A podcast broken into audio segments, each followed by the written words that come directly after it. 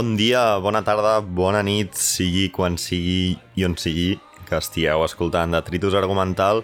Espero que hagi anat bé el Nadal i us dono la benvinguda al que és el penúltim episodi d'aquest, diguem-li, repàs, diguem-li, xapa sobre, no estrictament, les millors cançons de l'any, sinó les que carinyosament m'han acompanyat de la mà mentre caminava per les brases de l'any 2020.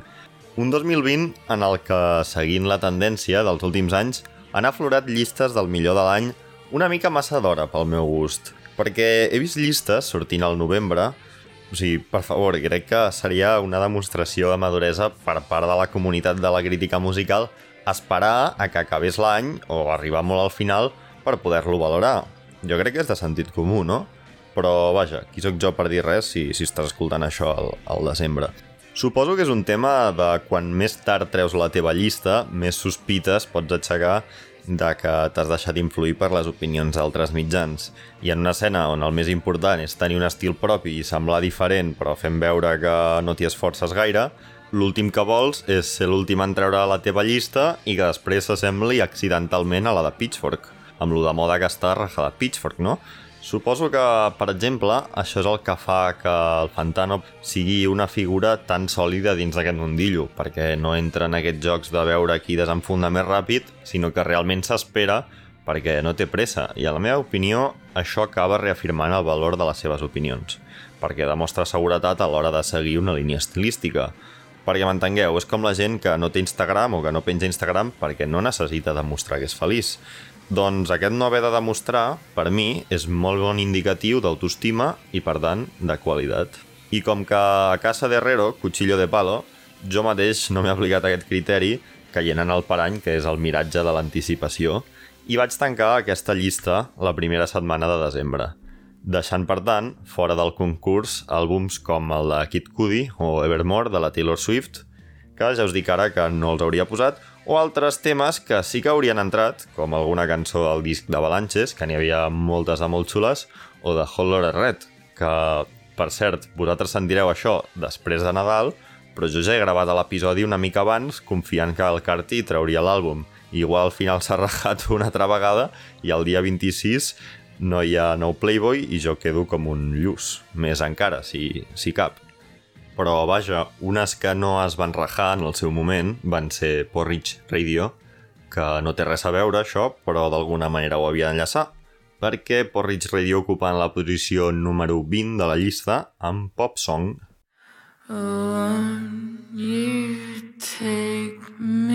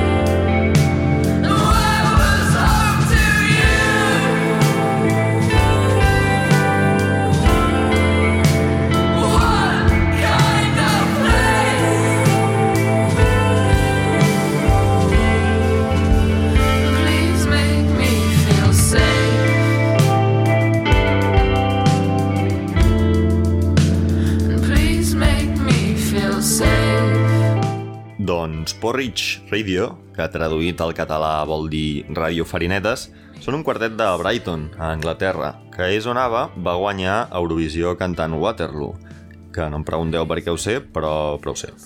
El cas és que Porridge Radio em recorden molt, i suposo que no seré l'únic, a Warpaint. En part per aquestes guitarres que s'arrosseguen i una mica per la veu també de la cantant. Però, òbviament, Porridge Radio tenen un puntillo més punk i com Warpaints tiren molt de repeticions dins de les cançons, gairebé coquetejant amb el post-rock. Doncs imagino que amb l'objectiu d'induir una mena d'estat de trànsit que, segons qui, entenc que li pugui avorrir una mica, però que a mi em funciona la mar de bé. Estàs escoltant Detritus Argumental. Tal, tal, tal, tal. Nos hemos quedado sin bono navideño. No hay paga extra. No va a ver ahí la regalía ese monedero. ¡Papá! Es que tengo algo muy importante que decirte, papá. La hija mía, ¿qué pasa? La hija mía, Maison. Mi hija, Maison. Grasebol. Grasebol se hizo un tatuaje. Grafa. Se hace un tatuaje, gracias. Se hizo un tatuaje, Grasebol. ¡Oh! ¡Oh! La següent cançó, en el número 19 de la llista, és d'un grup que no m'agrada, directament, que és Heinz. No només acostumo a ignorar la seva música, sinó que a nivell personal em xirrien bastant fort. Uh, em sap greu, Carlota Cocials, però em caus realment malament. De fet, ja em queies malament des de fa temps, però després d'aquella entrevista amb el Cecilio ja lo nostre és irreconciliable. Segur que li sap super malament que em caigui amb tanta poca gràcia. A més, és que no entenc el perquè de la doble T de Carlotta, que per si no fos un signe evident de Upper Diagonaler madrileny, hi ha una altra del grup, a Heinz, que es diu Ade. O sigui, no fa falta dir res més, no? Però el papa el que és del papa, perquè la cançó que he triat, que és Good Bad Times, s'ha colat molt a dins de la meva llista, perquè realment és que està xula. I mira que em vaig resistir a que m'agradés, eh? Però escolta, és encomanadissa com poques cançons aquest any. De fet, al 2020 hi ha dues coses que se t'enganxen molt fàcilment. Una és el Covid i l'altra és Good Bad Times. I al final he hagut de seure'm amb els meus prejudicis i hem acabat acceptant que Good Bad Times és inexorablement carismàtica. Això sí, el videoclip de la cançó no té cap mena de sentit. Us ho explico. Primer, surten les quatre Heinz pintades com si fossin les quis de Malassanya però fent karate. Llavors, a una Cayetana se li escapa el cotxet del bebè per una avinguda plana. Però això sí, el cotxet accelera com si hi hagués una pendent de 77 graus. Llavors, la meva amiga Carlotta es toca el penjoll que porta, cosa que li dona el poder de la supervelocitat, i salva el bebè abans de que el cotxet se'n vagi a la carretera, en plan acuirassat Potemkin, però sense rastre de suspens. A continuació, les altres Heinz, gràcies als seus penjolls màgics, també duen a terme gestes de dubtosa índole moral, com agredir a l'únic negre que surt en tot el vídeo fotent-li un pilotasso a la cara, ajudar una furri a rescatar el seu gat que ha pujat a un arbre, probablement cansat de ser sodomitzat, o de nou assistir a un altre Cayetana en nivell 34 a través d'estrangular fins la mort un tio que presumptament li havia robat el bolso i que porta una gorra de Goofy, com el tio que atraca la Marge al Simpson, evitant, per tant, d'aquesta manera una redistribució equitativa de la riquesa. Queda clar, doncs, que les Heinz són el diable fent-se passar per un grup indi, però escoltarem igualment la seva cançó perquè, com he dit abans, jo ja els hi he vengut la meva ànima. It's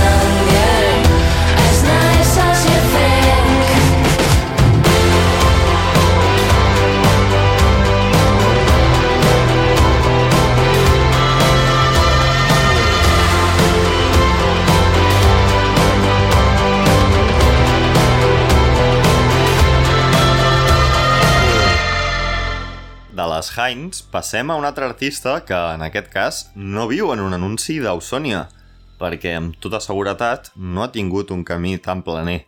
Es tracta de Jasmine Infinity, una productora del Bronx que s'autodenomina Queen of Hell, àlies que ja us avanço que és perfectament definitori del seu so.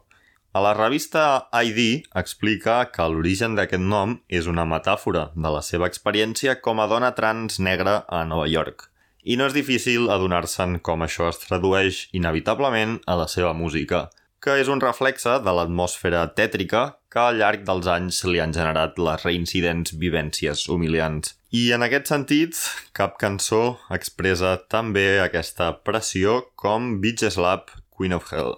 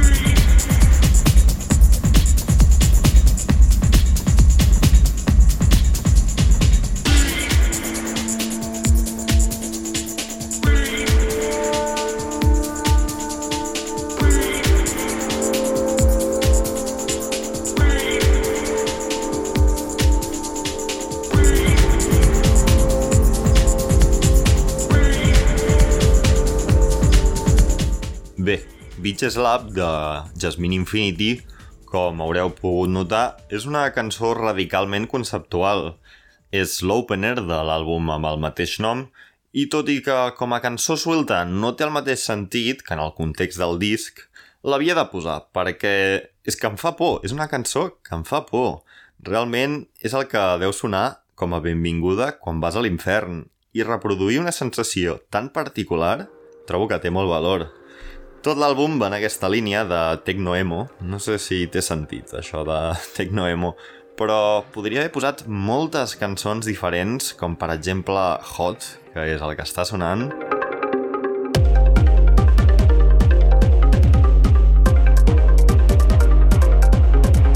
Perquè aquesta apreciació tan única que té Jasmine Infinity per la música de club li ven part de família, perquè la seva mare era model i estava molt connectada amb el món creatiu i de la moda, fins al punt que la pròpia Jasmine li van fer de mainadera altres models amigues de la seva mare que eren ni més ni menys que part del repartiment de Paris is Burning, l'icònic documental sobre l'escena drag ball a Nova York als anys 80, que pels fans de Gaspar Noé és com un clímax però amb missatge, és a dir, la pera. Estàs escoltant Detritus Argumental.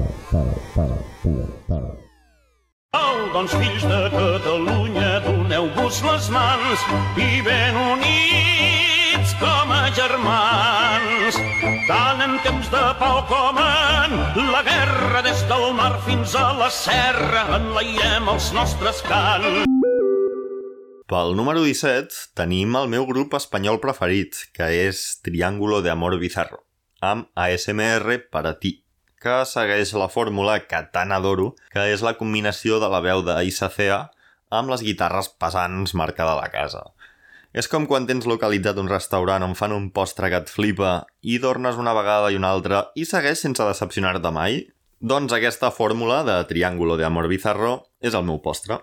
I és que Triángulo, si en comptes de ser de Rianxo fossin de Manchester, jo crec que tindrien el mateix estatus que Cocteau Twins o que Slowdive. És més, des de que va començar la pandèmia, l'únic concert al que he anat ha estat el de Triángulo de Amor Bizarro i sincerament no l'hauria canviat per cap altre. Així que, deixant-los tan amunt, anem a escoltar ASMR per a ti. Sí, sí, per a ti. Thank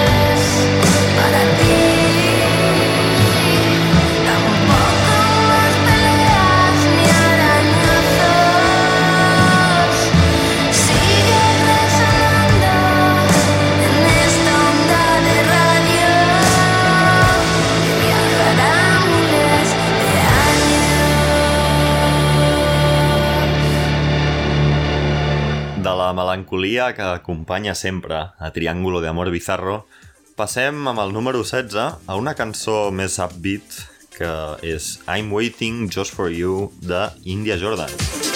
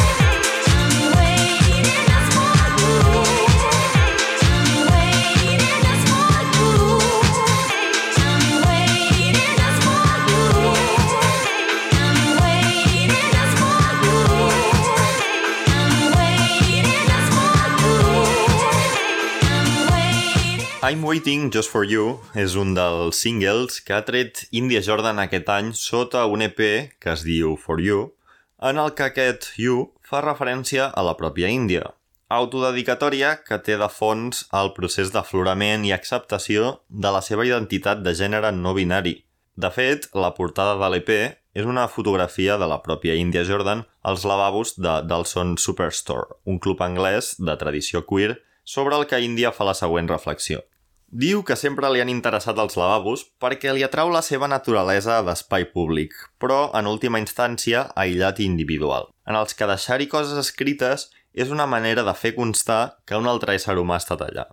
També diu que els lavabos són espais que li permeten descomprimir-se, i on ha experimentat què vol dir ser queer i, quan no necessàriament donar mostres d'afecte en públic era segur, els lavabos eren una opció segura i de l'aïllament que representen els lavabos a una cançó que en la meva opinió va de saber estar sol, també. És Infinite Scroll, de Jess Williamson, i combina molt bé la melancolia derivada d'aquesta temàtica amb uns cints a la tornada que per mi són el contrapunt d'acceptació i optimisme que fa que la cançó no quedi gens nyonya. Trobo que aquesta cançó, i Jess Williamson en general, té un algo de Waste Blood, i si us agrada Angel Olsen, Sharon Van Etten o Big Thief, aquesta cançó segur que us vindrà amb molt de gust. They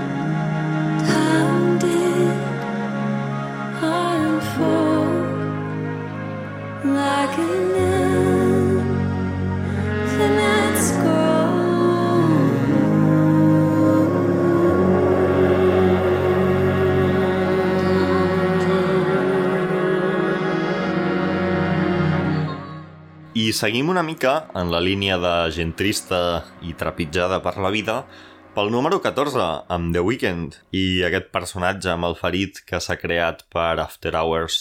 He triat la cançó Scared to Live, però la versió que va fer el Saturday Night Live i que va incloure en l'entrega deluxe de l'àlbum. Ja us dic, en aquesta actuació, de la mateixa manera que en els videoclips, The Weeknd fa una posada en escena amb la cara envenada i ensangrentat, com a metàfora molt òbvia de les ferides que li han causat els seus desamors, no? Que de fet és probablement l'únic filon que té The Weeknd, però que li surt de conya perquè el tio ven el que vol i més. Uh, aquest After Hours de The Weeknd és un disc al que li tinc força carinyo perquè va sortir just al començar el confinament i em va acompanyar molt durant la miserable experiència que és el teletreball i és un àlbum que està clarament impregnat d'elements sonors dels anys 80, cosa que a priori em fa una mica de mandra, però en aquest Scared to Live que he triat, la sobresaturació de sintetitzadors li cedeix el protagonisme a la veu de The Weeknd.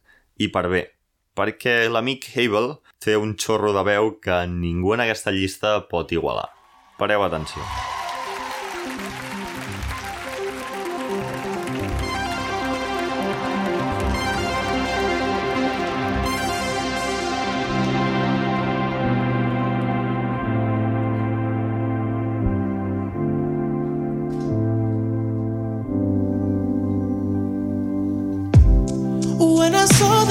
I should have let you go.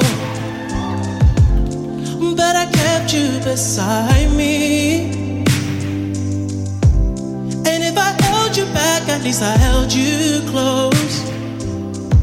Should have known you were lonely. I know things will never be the same. Time we lost will never be replaced.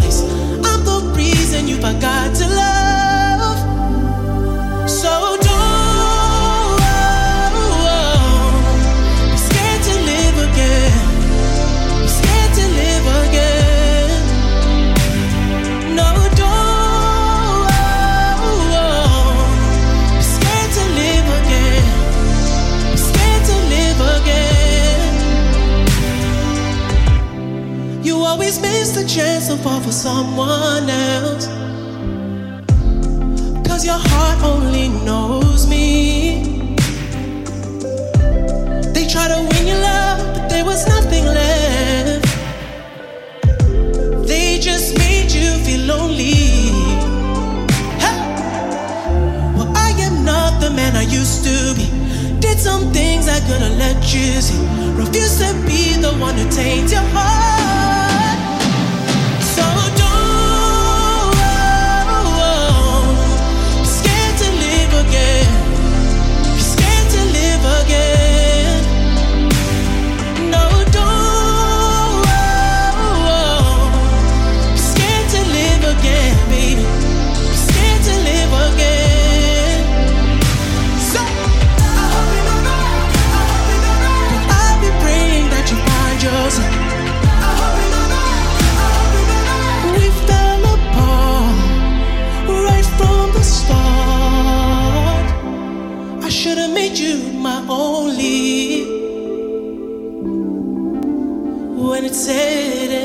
الأنام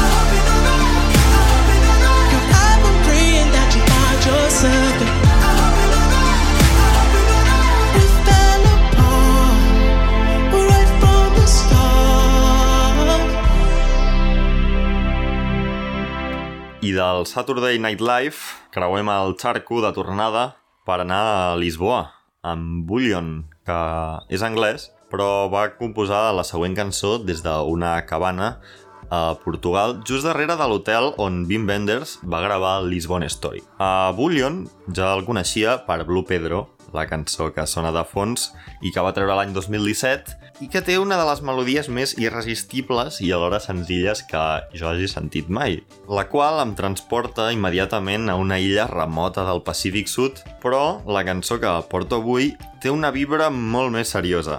Es diu We Had a Good Time i m'agrada moltíssim, sobretot per l'efecte que produeix la modulació de la veu de Bullion sobre la melodia, que des del moment en el que entra en la cançó em trenca en mil trossets. Bé, aquí teniu el breu striptease emocional que ningú m'havia demanat, però tant de bo us agradi la cançó tant com m'agrada a mi.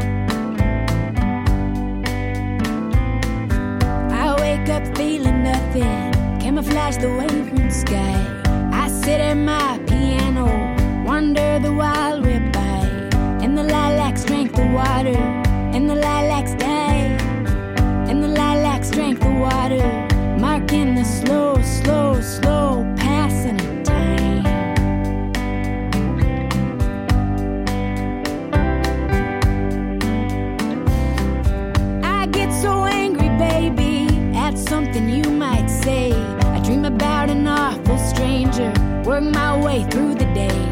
I run it like a silent movie, I run it like a violent song, run it like a voice compelling, so right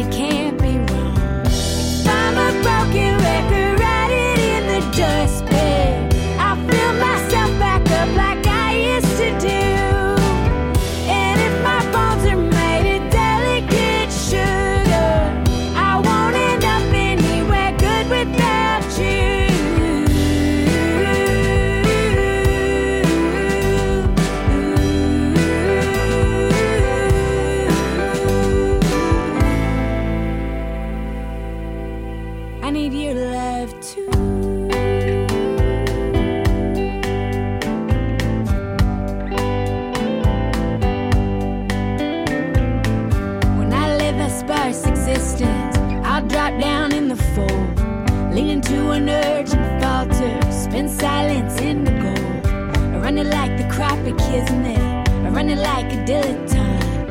I run like I'm happy, baby. Like I got everything I want.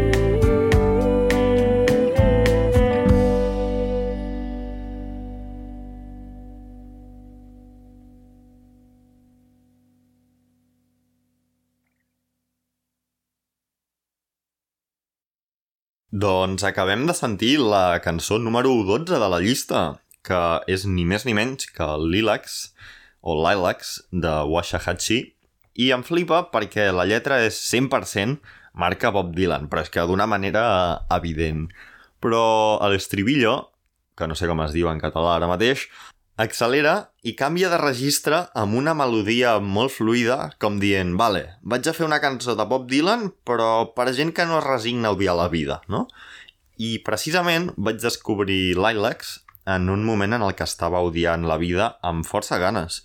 Va ser un diumenge, mentre treballava al port, havent dormit menys que poc, i vaig posar Radio 3 al cotxe i aquesta cançó va ser providencial per no tirar-me al moll i em va canviar l'estat d'ànim en aquell moment. Després va sortir el sol i la vida va seguir el seu curs. Lilacs és un dels singles de Saint Clouds, l'àlbum que ha tret Washahachi, aquest 2020, a Merge Records, que és casa de Caribou, Destroyer o Bob Mould, d'Oscar Du, entre d'altres, que, que bé que queda, eh? Sempre parlar de segells. Pots no haver dit res de valor, però et fa semblar tot un erudit. En fi, que Kate Crutchfield, que és la persona darrere de Waxahachie, és la parella de Kevin Morby, cosa que no sabia fins fa res. I si vosaltres tampoc ho sabíeu, doncs ara ja ho sabeu. I fa un parell d'anys van fer una versió junts de Farewell Transmission de Magnolia Electric Company, a la que també li tinc molt carinyo i que us recomano enaltidament que l'escolteu. Estàs escoltant Detritus Argumental. Tal, tal, tal, tal. A double McSpanky with fries and a florp. That'll be 6.53. And 3.47's your change. Dude, you're supposed to press the buttons with pictures of food on them. Don't need to, Skeet. I memorized the prices and did the tax and change in my head. No, dude. I'm your higher up, and what I say goes. We need to have all purchases recorded into our system. Using your big brain doesn't do that, dude. If you make a mistake like that again, I may have to write you up, dude. Also, I did not hear you say Big McThankies from McSpankies to the customer. Well, frankly, it struck me as cliched. What do you think about this? Don't let our food be denied you. Put our polyunsaturated fats and triglycerides inside you. The McThankies slogan has been a staple of the company since the mid 1980s. I truly doubt that a slogan, such as yours, would even fly by the lowest McSpankies representative. Listen, dude, you're a good kid. Please put your pride aside and do your job correctly. I per acabar aquest episodi, us deixaré amb una cançó que només es pot sentir d'una manera, que és la següent. Has d'anar caminant sol o sola pel carrer en un dia ennuvolat o de nit, en el seu defecte, però, en qualsevol cas, portant ulleres de sol i creient-te l'Scott Walker. Llavors et converteixes automàticament en el motherfucker o la motherfucker número 1 de la ciutat. La cançó en qüestió és de Fontaines DC, que en aquesta ocasió redueixen un parell de marxes respecte al seu ritme habitual, cosa que permet apreciar molt millor l'absurdament atractiva veu de Brian Chatten i el seu accent irlandès. El títol de la cançó és I Don't Belong i segons Chatten, irlandès, però de pare i cuna anglesa, és una reflexió sobre el seu sentiment de pertinença a una Islanda que en part no l'ha acabat d'acollir i acceptar del tot degut als seus orígens. I fins aquí, uh, això és tot per avui. Jo em dic Adrià i moltes gràcies per escoltar Detritus Argumental. Us deixo amb I Don't Belong de Fontaines DC i escolteu, uh, el proper dia, d'aquí res, últim episodi de les millors cançons de l'any, que ja només en queden 10, que seran la puta hòstia, ja us ho dic ara. Vinga,